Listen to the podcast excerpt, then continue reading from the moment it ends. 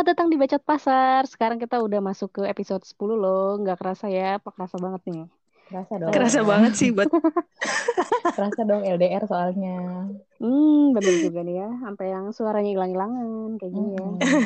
Sampai yang ngasih link pas didatengin kosong kayak hati aku. Hmm, terus ada yang panik, nggak ke save. Tukang servis jam gimana tuh? Hmm. kemarin kita syuting on the road ya. Episode kemarin yang ada tukang servis jam. Sekarang kita ser eh, servis. Sekarang kita eh, rekaman biasa lagi. Udah lah ya, langsung aja. Eh bareng gue Tasya seperti biasa. Di sana ada di seberang sana ada Inge dan ada Tika. Hai dong. Hai. Apa dong bacoters? Siapa? Halo, Bacoter. Ini kita masih edisi bosan sama topik COVID ya. Hmm. Yang panjang dong responnya. Iya, kita bosen. Kami bosen sama Oh iya mantap. Wow, respon yang menarik. Jadi eh, buat kali ini kita langsung aja ya. Kita kayaknya mau ngomongin soal toxic relationship. Yeay. Ya menarik sekali kan, excited kan? Wuh. Aku Iya, excited. boleh dikasih tahu kenapa excited? Karena aku mau ngerek-ngerek Inge. Oke, ini biar kayak buat ini aja ya, formalitas aja nih. Di depannya eh, kita kasih penjelasan dulu kali ya Info. toxic relationship itu apa? Karena kita bikin kayak kita kan mikir kayak toxic racun nih, relationship hubungan. Terus maksudnya hubungan beracun tuh gimana? Diracun gitu pas makan Atau, ada, bareng atau Romeo and Juliet ya kan? Dia itu. Mm-mm. Jadi eh, secara garis besar aja ya, itu tuh toxic relationship itu jadi intinya kayak inilah, seperti judulnya eh, hubungan beracun itu jadi perilaku-perilaku dalam berhubungan itu ada yang beracun dalam tanda kutip, misalnya eh, mengganggu fisik, misalnya kekerasan itu berarti mengganggu fisiknya atau em, emosional diri si salah satunya ya. Mm-mm. Kalau kesepakatan memang mau di ituin sih ya nggak maunya diganggu, memang Eh, maunya diganggu itu sih ya emang silakan. maunya. Ya jadi pokoknya kalau misalnya hubungan yang sehat tuh intinya eh inilah ada ada sikap saling menghormati, terus kan saling sayang, c, terus eh, saling menerima. Nah kalau toxic relationship sing- singkatnya adalah ya sebaliknya lah gitu. Mm-mm. Nah eh ini gue langsung mau buka aja deh. Kalau menurut kalian eh ini tuh apa Eh, sih tapi gitu? gue mau nanya deh.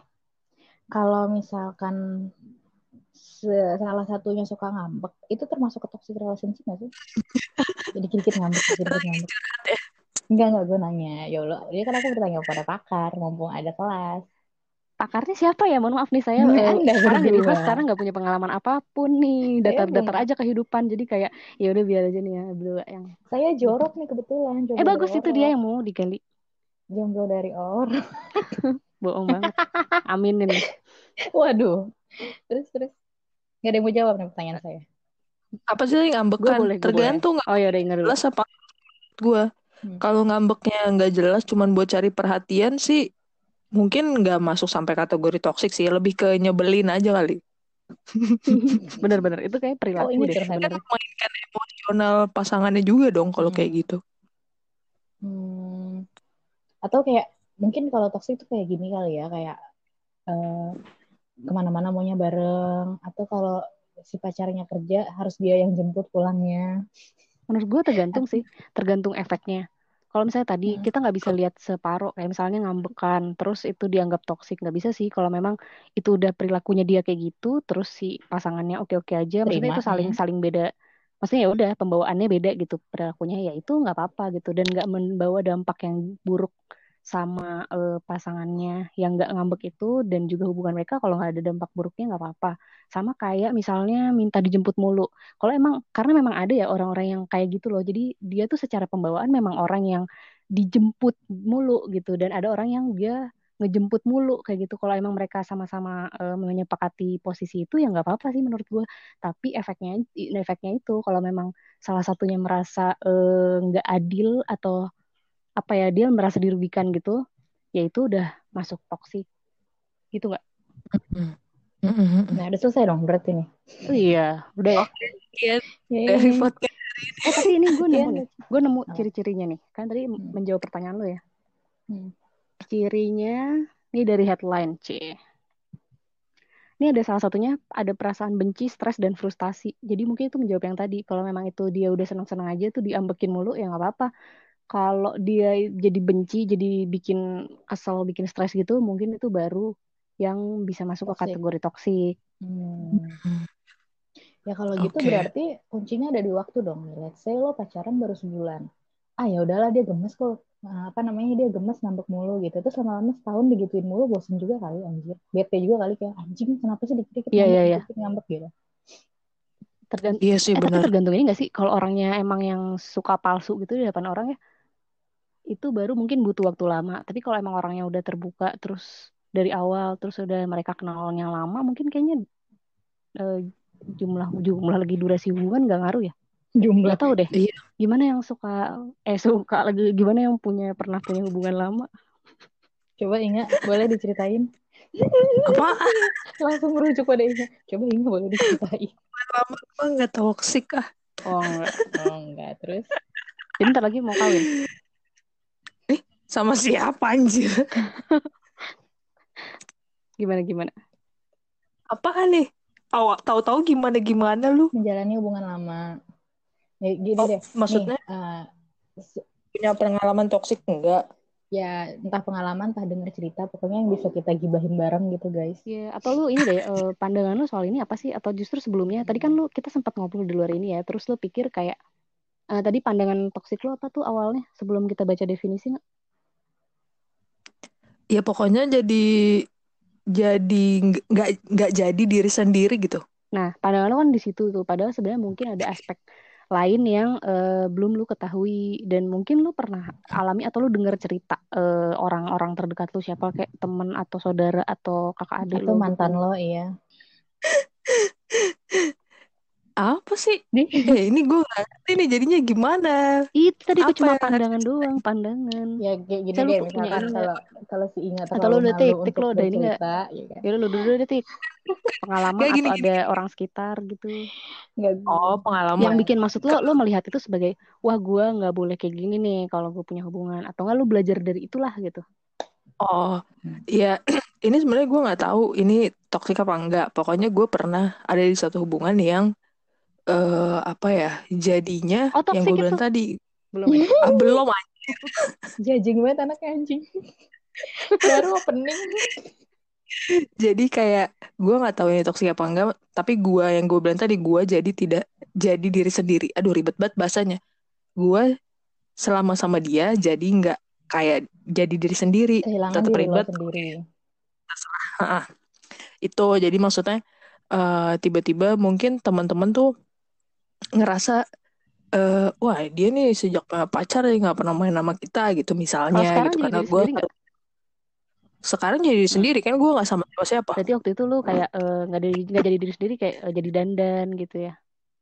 Enggak juga maksud jadi di gue jadi atau lo dicatok jadi gitu. lo jadi menumpas kejahatan di dunia ya kan? Lo jadi superhero gitu.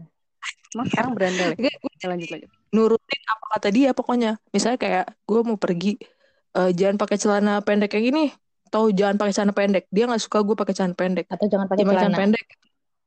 Waduh. Pants suka gimana tuh? Ya kan celana pendek biasa tahu gak sih celana pendek kan celana pendek tuh banyak. Ada tujuh per delapan ada hot pants. Kalau hot pants ya wajar ada. ada dilarang loh. ada nanti koloran boxer koloran boxer kayak main-main main doang gitu. Pokoknya nggak boleh pakai celana pendek harusnya misalnya gitu. Ini dia pakai celana panjang. Jadi gue kalau pergi-pergi atau gitu main ya. sama dia yang gak syari juga sih ribet ya. ngobrol sama kalian tuh gue dipotong-potong. Gue diem. ya gitu pokoknya intinya gue nurutin dia kayak misalnya hari ini kamu di rumah aja jangan ke mana-mana gitu. Ya gue beneran nurut di rumah aja jadi loh. kalau gue misalkan gak tiba-tiba ke mana-mana. waktu itu dia bilang hari ini kamu gak boleh napas ya? Lo gak akan napas? Nggak tahu sih mungkin bisa jadi tapi maksudnya gue selalu nurut sekali. selalu nurut apa kata dia gitu loh. Gue selalu nurut terus em gue anaknya kan kalau pacaran tuh nggak pernah mau bukain apa sih handphone gitu-gitu kan. Karena gue sendiri takut takut malah menemukan fakta-fakta itu. Sama iya tapi sama. justru tapi justru sebenarnya eh, apa namanya gue sendiri pada akhirnya setelah mendapati mendapati pernah satu kali tidak sengaja terus ketahuan jadi guanya sendiri akhirnya ngerasa nah ini mungkin toxic nih gue sendiri yang ngerasa jadi nggak percaya terus jadi terus-terusan pengen ngeliat apa sih yang dia lakukan Ketahuan apa itu maksudnya? gue juga pernah ada di momen hah Ketahuan apa maksudnya? ketahuan Aneh. selingkuh Oh. punya cewek lain gitu. Gue tahu sih, cuma pendengar nggak tahu. Anjir. Gitu maksud gue. Jadi itu gue juga pernah ada di momen itu. Tapi ya udah lebih banyaknya tuh eh gue pernah juga ada di hubungan yang kasar, dikasarin. Itu enak. Oke, beda. Ini kemarin ya definisi yang gue ya? tanyain. Bukan tapi, tapi bukan itu. Oke. Tapi bukan itu. Lebih ke apa ya? Yang kayak gue bilang tadi karena gue anaknya nurut kan. Terus eh, ada di satu momen yang gue dimintain tolong sama dia untuk bangunin dia. Terus gue bangunin lah. "Lo Udah pagi bangun ini ini gue samperin bahkan gue samperin ke rumahnya gue bangunin segala macem dia tidak terima maksudnya dia masih dia masih pengen tidur padahal kan loh kan kita lo lo sendiri yang minta tolong sama gue bangunin karena lo ada acara gitu maksudnya ada ada jadwal lah di pagi itu terus dia marah-marah gue dibanting Oh. dibanting bukan dibanting sih kayak dilem dihempas gitu sampai Ringan ya, ke-? Gimana? dulu kan gue kurus ya Hmm, Terus terus. gue jatuh gitu sampai kamar kamar depan Dia, dia kamar ditendang depannya dia gimana?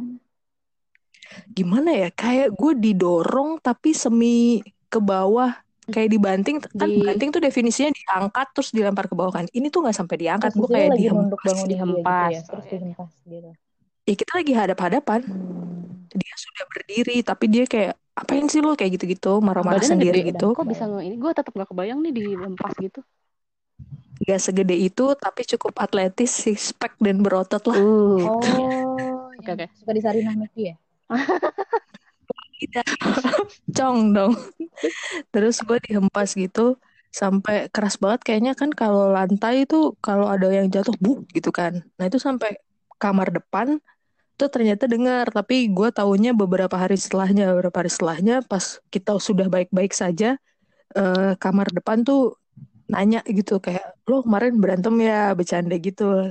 Tapi kami cari alasan lain lah jawabnya enggak. Kita lagi mainan rebutan selimut gitu. Hmm, di ke mana-mana lagi dia fantasinya. Mainnya di bawah selimut. dan adalah beberapa momen yang uh, akhirnya gue jadi merasa gue ada nih gue ada di momen ini sih goblok banget sih gue sekarang merasakan. Jadi kayak gue ada di momen karena gue sering di perlakukan kasar gitu sampai ada di momen yang gue kenapa lu mau pukul gue lagi? Udah nih pukul gitu. Gue pernah juga kayak gitu. Hmm. Hmm, malah nantangin ya. ya karena berani pukul nggak? udah biasa. Apa enggak sih? Kalau digituin kalau digituin dia justru nggak nggak nggak mukul. Gitu. Nanti setelah selesai mukul atau setiap dia melakukan kesalahan ya dia akan eh, meminta maaf dengan apa namanya Bunga. memohon-mohon Dan dan lu selalu maafin. nangis gue selalu itu maafin sih, sumpah. Dia langsung kayak Oh, playing itu victim gitu kan biar lu Eh tapi gue mau tanya, eh kan lu merasa tadi kayak apa ya misalnya nggak jadi diri sendiri, terus kayak dari soal baju aja lu diatur dan sebagainya. Itu tujuan lu untuk melakukan itu apa sih? Maksudnya kayak lu, oh ya udah deh, lu lu iya iya aja tuh apa gitu? Agar tidak ditinggal. tahu Apa yang ya, membuat lu mau? Eh eh, gue juga sekarang jadi bingung apakah itu definisi cinta ya. Tapi Apa berarti lu pengen gue pertama, lu nggak mau cari masalah karena ya udah deh biar eh, ini hubungan berjalan-berjalan aja gitu. gue dari tahu dari awal tahu dia anaknya kasar maksudnya keras nggak bisa di apa ya nggak bisa dikerasin balik gitu loh. Gue ngerasa kalau ya kalau gue kerasin balik juga nih nggak akan ada habisnya malah keras ketemu keras jadi ya udah gue nurut aja. Dan menurut gue dan di ketika dia tidak sedang cari masalah ya dia tuh super baik. Jadi kayak gue ya enggak kok dia aslinya baik. Jadi sebenarnya dia kayak gini ya pasti karena sedang ada masalah gitu. Kita memang sedang bermasalah makanya dia begini. Jadi gue mikirnya Hmm.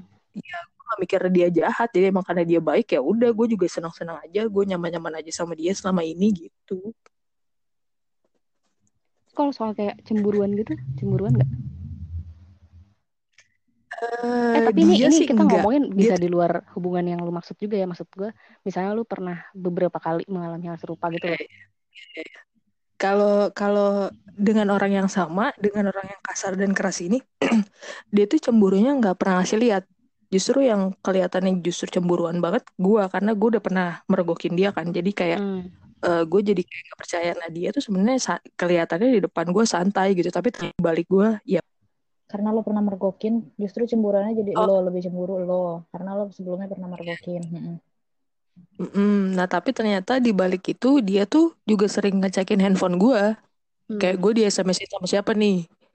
Eh misalnya sama cowok dia nggak kenal. Ya dia tuh nanti akan cari tahu cowoknya siapa gitu. Hmm, kalau ketahuan ada siapa gitu, misalnya jarkoman tapi dari cowok, terus dia apain? dibanting Ya karena dia tidak pernah men, ya gue kan nggak pernah ngerespon juga kalau misalnya ada yang aneh-aneh. Jadi ya udah dia nggak nggak punya alasan untuk marah sama gue. Hmm. Lagian di- gue ke mana-mana dia yang terjemput juga bro. wow Jadi lu merasa itu take and give ya? Iya, jadi kayak waktu itu sih gue ngerasanya kayak ya udah sih namanya juga orang pacaran ya pasti ada berantemnya terus ya tapi di kalau lagi nggak berantem ya dia baik juga kok gitu. Eh tadi kan gue lihat si definisinya itu dari Tirto ya. Jadi Tirto bikin Hmm. tulisan panjang gitu. Salah satunya dia ngutip yang helpline tadi. Dan ini hampir, nih gue baru baca setengahnya doang. Ini kayaknya semua yang lu omongin tadi gue, ini tuh ada di Masuk. tulisan ini. Lu mau gue baca dari awal gak nih? Jadi Tirto. Masuk. ini tidak ada endorse, tapi gue baca dari atas. Mau dibaca dari awal nggak? Ini sebenarnya Apa? itu ini sih kasusnya Kesha Ratuli waktu itu kan dia pernah eh bocorin soal hubungan dia terdahulu ya. Hmm. Hooknya itu, tapi pembahasannya sih lebih umum. Kayak yang tadi paling atas tuh kan soal definisi ya. Tadi kan gue Mm-mm. baru bacain satu ya soal yang perasaan benci, stres dan frustasi itu. Gara-gara satu, ya apa gara-gara kelakuan satu orang kan. Nah ciri-ciri lainnya, yang pertama adalah kurangnya dukungan dari pasangan. Jadi eh jadi mereka tuh kayak merasa ada kompetisi gitu loh di dalam Hmm. hubungan itu satu. Itu nggak terlalu relate ya kayaknya masih hmm gitu doang. Enggak, enggak, Oke yang kedua ya komunikasi yang beracun, kasar, kritik, sarkasme hingga adu mulut. Hmm, mulai merasa sama Ya dengan. kalau lagi berantem, kalau lagi berantem aja. Tapi kan kasar nggak selalu sih. Maksud gue, Iya, eh nggak tahu ya. kalau lagi berantem, kalau lagi berantem aja. Oke. Kalau lagi berantem ya dia akan keluar kebun binatang. Oke. Yang ketiga rasa cemburu berlebihan. Nah itu di gue sih kayaknya. Gue emang kayak punya potensi itu deh. Tapi kan lu nggak Gemini. sampai. Tapi kalau menurut gue ya, kalau lu ngecek gara-gara ada kejadian itu antisipasi, bukan cemburu karena nggak beralasan. Yang justru Ya yang enggak salah sebenarnya itu karena nggak beralasan. enggak gue gue merasa salahnya adalah lu udah sekali mergokin kenapa masih harus nunggu tiga kali baru lu tobat gitu Tapi loh. tiga kalau udah kali kayak gitu, baru cemburunya nggak apa-apa lah wajar. Gue kayak gitu juga pasti sama. Oke, Next ya. next. Selanjutnya apa? Adanya kecenderungan ingin memegang kendali atas hubungan dan kehidupan pasangan. Tepukin tangan jangan. Ya, ya. Terus gue kasih efek-efek yang ye, yang gitu ya youtuber-youtuber ya. Iya, iya, iya, iya, iya. Ini iya sih kayaknya. Hmm. Next ketidakjujuran yang terus-menerus dilakukan. Itu iya. Iya nggak? Iya, Capek gue nih ya semua nggak usah apa sisanya. Eh, tapi gue juga pernah ini. Ini kan lebih ke fisik ya. Maksudnya dia kasar fisik. Tapi gue juga pernah ada di satu hubungan. Ya ini sih gue yakinin ini sebagai toxic relationship. Nah ini gak jelas banget. Gue pacaran cuma sebulan. Dan gue merasa udahlah itu nggak usah dihitung pacaran lah ya gitu. Karena gak jelas. Mm-mm. Jadi bawaannya tuh bikin emosi. Gimana ya? Hmm, gimana? Gue bayangin lu pacaran sama drama king. Hmm, iya. Tapi sebelum itu lu nggak melihat ada perilaku itu ya, emangnya? Sebelum itu gue melihat perilaku itu. Tapi Atau nomornya kan nemu di tuh selembaran uang seribu nih, jadi kenalan dari situ. tidak. Gimana ya waktu Itu itu adalah tuh Tinder pada kondisinya masanya ya. Ya udah, udah. Enggak sih, gue nggak pernah. Dari uang gue nggak pernah titik. Gak maksud gue waktu itu tuh momennya juga kayak gue juga bingung kenapa akhirnya flow-nya tuh gue sama dia gitu. Gue tidak pernah gimana ya kita kan kalau misalnya PDKT sama orang tuh kayak udah tahu gitu oh ini gue suka terus dia suka terus kita jalan bareng gitu kan. Ini tuh gue nggak tahu semua kayak dipaksakan aja. Kayak dipaksakan terus eh, akhirnya jadi nih satu titik akhirnya kita memutuskan untuk bareng. Tapi baru seminggu dia apalah bikin ulah yang kayak drama-drama gitu terus tahu-tahu ya kayak kita nggak bisa bareng. Ya udah oke. Gue ngerasa ya udah putus nggak apa-apa. Oke putus. Putus nih. Terus tapi nanti dia yang kesannya kayak eh sungguh sakit blaming. hati patah hati. Dia dia dia tidak menuduh gua yang menyebabkan putus ini. Cuman maksudnya abis itu nanti dia kayak eh, sakit hati banget patah hati banget sedih amat terdalam segala rupa terus minta maaf minta maaf Oke, gimana maksudnya? Iya minta maaf gini gini gini. Oke balik lagi. Oke kita balik lagi. Satu minggu, baru satu minggu lagi, dua minggu, gitu aja terus sebulan sampai gue nyerah. Terus ya udah. Terus tiba-tiba dia switch dan kayak ngerasa kita kan selama ini nggak pacaran. Wow. Kayaknya kepribadian ganda deh. Nah itu gue nggak tahu ya. Nggak pernah ikut apa namanya tes atau segala macam ya gue nggak pernah tahu. Cuman maksud gue itu waktu itu di momen itu itu momen hubungan gue paling drama paling roller coaster dan gue meyakini itu toxic sih menurut gue karena gue kenapa gue juga mau Ya, gitu. cuma sebulan tapi capek banget gitu ya. iya kayak ini tuh kalau di orang-orang misalnya gue ceritain ya ceritain detail gitu sama orang kayak lo yakin dengan kasus yang segitu banyaknya ini lo pacarnya cuma sebulan dong diceritain Iya. detail dong. Jadi kayak nanti anaknya denger Dong, masih dia sadar.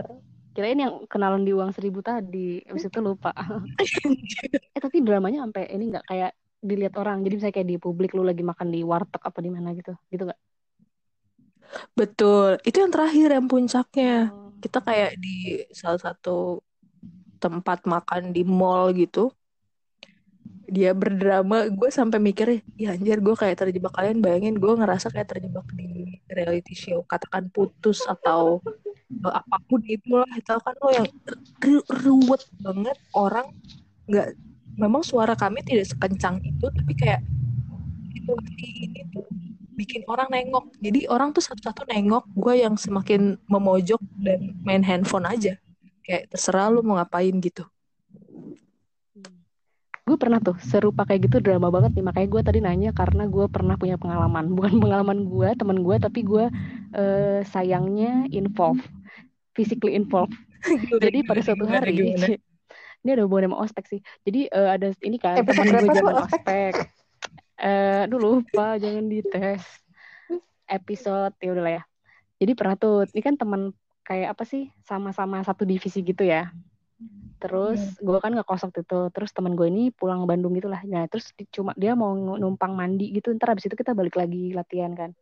Terus eh jadi setting kampus gue kan ada gerbang kecilnya tuh. Di depan gerbang kecil itu langsung jalan gede banget, belokan itu jalan lintas kota apa lintas provinsi ya. Pokoknya jalan gede banget yang banyak truk-truk gitu ya. Terus, nah Mm-mm. di setelah nyebrang itu tuh ada kayak semacam apa ya, jalan kecil yang cuma cukup dua orang gitu buat menghubungkan antara jalan yang tempat kosan dan gerbang tadi itu. Bayang ya? Oke. Oke, terus udah itu kan itu kita mau balik lagi kan ke kampus habis dari kosan gue itu. Terus jadi dia tuh kayaknya emang nah itu gue tuh makanya tadi gue bilang sialnya gue involve itu karena gue sebenarnya nggak terlalu deket sama dia cuma karena dia nebeng aja di kosan kan. Terus gue nggak tahu tuh hubungan dia sama lakinya gimana ya waktu itu. Jadi teman gue cewek. Terus eh, pas mau nyebrang ke gerbang tiba-tiba ada cowok gitu ngelakson-ngelakson di motor. Ternyata cowoknya dia gitu. Terus eh, kayaknya kayaknya lagi ribut antara kayak gitulah. Terus pas klakson bukannya berhenti, gue kira kan kalau pacarnya berhenti dong. Kayak eh gimana terus nyapa. Ini malah narik tangan gue terus ayo tasa cepetan. Gitu gue suruh nyebrang yang tadi jalan banyak truk gitu ya anjir. Suruh cepet-cepet mana lakinya itu pakai motor ya. Ini gue konyol banget beneran.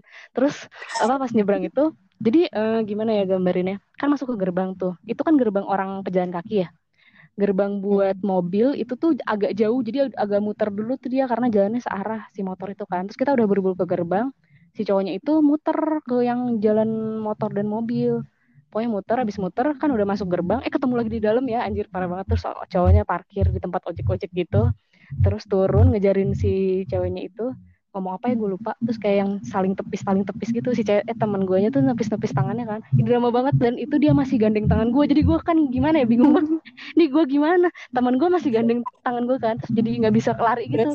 Tapi bingung mau ngapain masa gue mau udah mas masa mau gitu ya? Gue nggak tahu apa-apa ya bang terus udah gitu ya udah eh, dia kayak gitu terus. Akhirnya inilah lari gitu. Ayo tas cepetan ayo tas cepetan. Anjir coba cepetan lagi. Kayak motong jalan dari jalan umum utamanya terus akhirnya pokoknya nyampe kampus gue lupa lagi gimana. Pokoknya akhirnya cowoknya itu nggak ngejar lagi sih. Terus kayak di sana kan nah, langsung nangis gitu ya teman gue langsung diserbu sama teman-teman gue yang satu divisi itu banyak banget kan puluhan orang. Jadi kayak gue bingung kan mau ngapain teman gue nangis terus. Pas nyampe abis jalan sama gue lagi. Terus itu bingung banget. Abis itu setelah itu beberapa lama dia udah putus sih. Cuma ya gitulah drama banget. Gue mikirnya kayak anjir nih beneran ada kayak gini tapi nggak sampai masuk rumah sakit kan? Gimana tuh ceritanya? Apa? Temen lo maksud gue temen lo nggak masuk sampai masuk rumah sakit kan? Oh temen gue enggak kirain lu maksudnya. Mau cerita apa? Lu punya pengalaman nih. Oh enggak kalau gue pengalamannya gini. Cuma sekali. Jadi yang gue bilang tadi dia drama banget sampai masuk rumah sakit. Nah sebenarnya gue juga nggak tahu nih. Gue jadinya mikirnya waktu dia masuk rumah sakit nih tujuannya apa gitu. Tapi waktu itu gue akhirnya ditelepon dan gue nyamperin kan. Pagi-pagi tuh jam satu pagi gue nyamperin ke rumah sakit. Padahal malamnya dia kan baru mutusin gue terus dia masih ke rumah sakit. Nah di rumah sakit dia kayak minta maaf minta maaf gitu. Terus akhirnya ya yang gue bilang balik lagi. Nah di situ tuh dia tuh sakitnya parah banget gitu. Katanya enggak. Pokoknya parah banget lah gitu ya, ya terus umur ya. setahun lagi ya Umurnya tinggal tiga bulan. Eh, tapi gue punya cerita ini juga deh. Kenapa ya? Apa, udah berarti ya, hubungan, hubungan tuh paling gue tuh kalau punya hubungan tuh nggak pernah bener ya berarti. Yang tadi tuh belum selesaiin. Tuh, akhirnya oh, yang, yang, akhirnya ada yang manfaatnya tadi, podcast kita untuk refleksi diri ini. Mm, Mantap. Iya. Enggak jadi yang tadi ya udah itu. Jadi dia masuk rumah sakit. Jadi kayak uh, tiba-tiba sakit dan ini uniknya dia akhirnya dia bilang gini wah ternyata kita punya penyakit yang sama wah itu wow sih gue kayak hmm, ya kalau mau bareng nggak dengan caranya menyamain rumah sakit eh, nyama-nyamain penyakit sih sebenarnya cuman ya udah oke okay.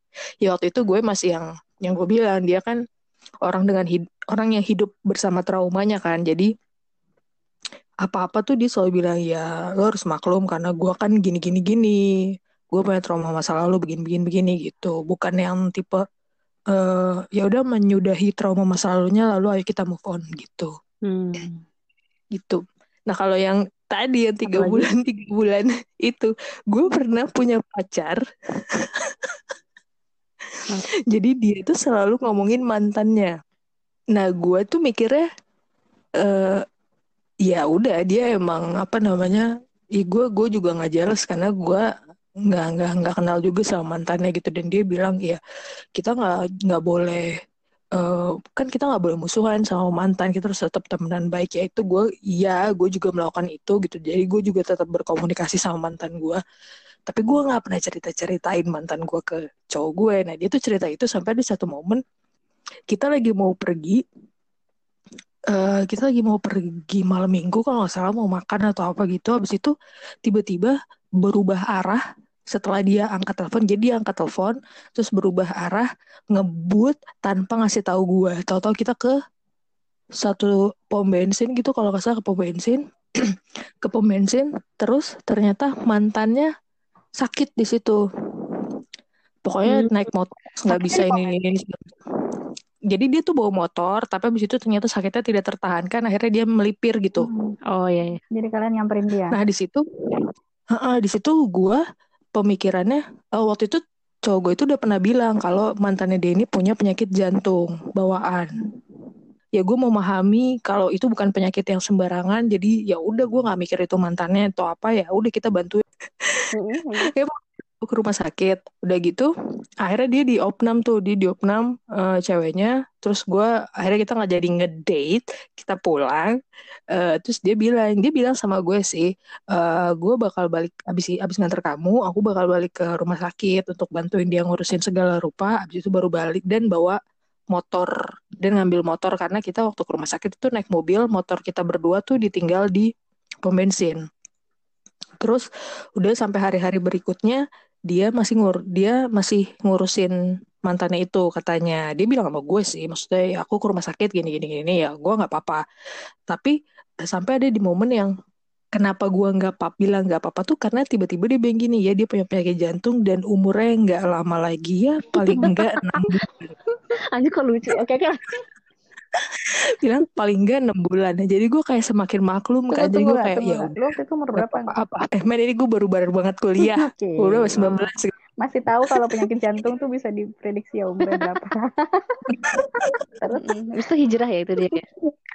Enggak karena gini Karena bokap gue Kan juga sakit jantung Tapi jantungnya tuh dia Klepnya bocor Jadi kalau nggak diganti Dalam jangka waktu tertentu Ya udah die Gitu loh Jadi gue Hmm. mikirnya Emang bisa begitu gitu Atau jangan-jangan dia sakit mah ya, terus dia salah diagnosa gitu kayak aku jantung. Jantung Ngakak sih Maksud gue Gue waktu itu ketipu dengan Nggak. Umur dia tinggal 6 bulan Tapi prestasi prestasi lo di sekolah aman gak?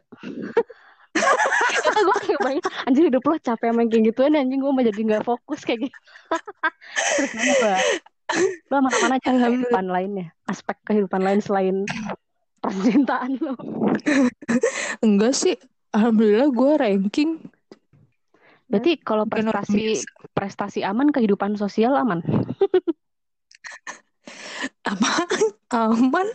Kan kuliah pulang terus jadi nggak temenan terus ditanyain tahu Inge nggak angkatan ini? Ada ya yang namanya Inge. Tapi itu bener Karena kayaknya gue gue nggak nggak punya banyak temen di angkatan gue oke jadi segitu aja podcast hari ini kesimpulan. Nggak gue edit. Nggak gue edit. Ya jadi eh, pesan dan moral hikmahnya pesan moral yang bisa diambil dari episode ini. di podcast ini. Dan ini Atau kalian masa nggak pernah punya pacar yang kasar gitu? Nggak ada Enggak dong, gue yang kasar justru.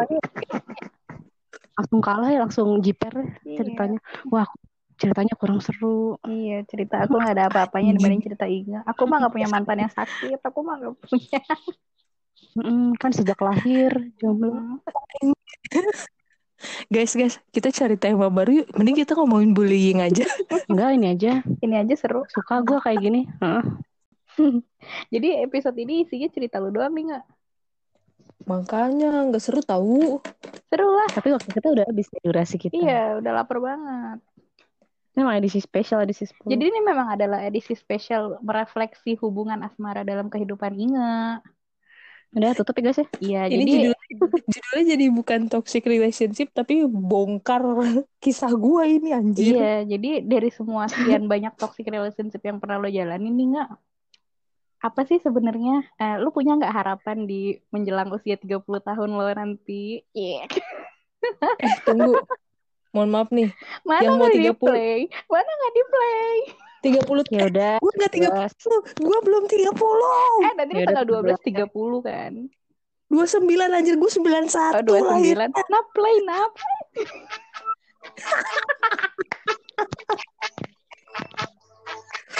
nah, bisa langsung ke aja nggak sih, Bang? Ore, jadi harapannya apa? Eh Ya udah, sayang. Ulang. Udah matiin, udah matiin. Udah ya, udah. Udah, Udah, udah, gitu Usah doang. dilanjut. Yang 30. Ya gitu, guys. Jadi, bacoters, hari Jumat ini tanggal 12 ingat atau genap berusia berapa nggak? Berapa nggak? 39. Surprise nggak nggak? Surprise nggak? Pokoknya kalau nanti ketemu Mm. traktir kami ya. Jadi gitu. panjang. Ya, anggaplah ini udah hari H ya. Tayangnya kan pas hari H dong. Iya kan sayangnya Mas Arika. Nggak, jadi apa harapannya, harapan percintaannya di usia yang baru ini nggak? Harapan. Oh harapan. Gak Mm-mm. ada gue harapan. Jalani Wah. aja. Go with Pokoknya the jangan flow. drama lah ya. Pokoknya intinya no drama deh udah capek gue ternyata drama gue banyak ya sudah terungkap nih tadi. Ya udah, udah.